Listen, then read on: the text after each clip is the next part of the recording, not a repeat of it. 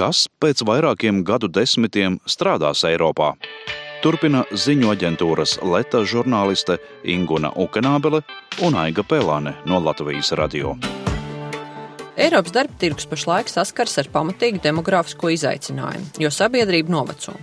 Augot tai pašai ekonomiskajai aktivitātei, uzņēmumiem vajag vairāk darbinieku, un par tiem jau nāks iesaistīties savdabīgā algu vairāk solīšanā. Arī Latvijā daudz runā par novecošanos un darba roku trūkumu, bet tas sanāk, ka tā nav tikai Latvijas problēma viena.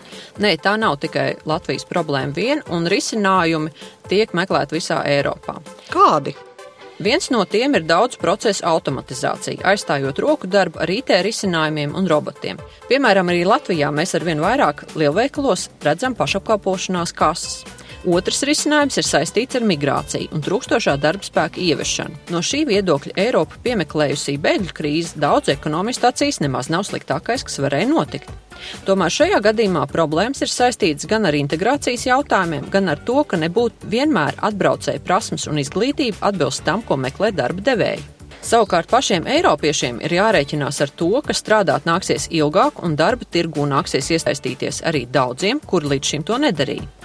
Ja pašlaik vairumā Eiropas valstu pensionēšanās vecums varējas no 62 līdz 65 gadiem, tad jau pēc vairākiem gadiem par populārāko pensionēšanās vecumu kļūs 65 līdz 67 gadi. Turklāt praktiski visas valstis ir paziņojušas, ka jau drīzumā var veikt jaunas izmaiņas, ja to prasīs situācija. Proti, pensionēšanās vecumu var celt vēl vairāk. Latvijas uzņēmēju vidū cilvēki pirms pensijas vecumā nebūtu nav tie pirmie, kurus ņem uh, uz kādu brīvu darbu vietu. Vai Latvijas uzņēmējiem arī nāksies pamainīt savu attieksmi pret šiem cilvēkiem? Nāksies gan. Tiešām pašlaik Latvijas darba tirgū valda savdabīgs jaunības kults. Un pamatā tas ir saistīts ar to, ka vecāki cilvēki lēnāk apgūst tehnoloģijas, kuras pašlaik ir vajadzīgas ļoti daudzos darbos, kā arī nezina angļu valodu.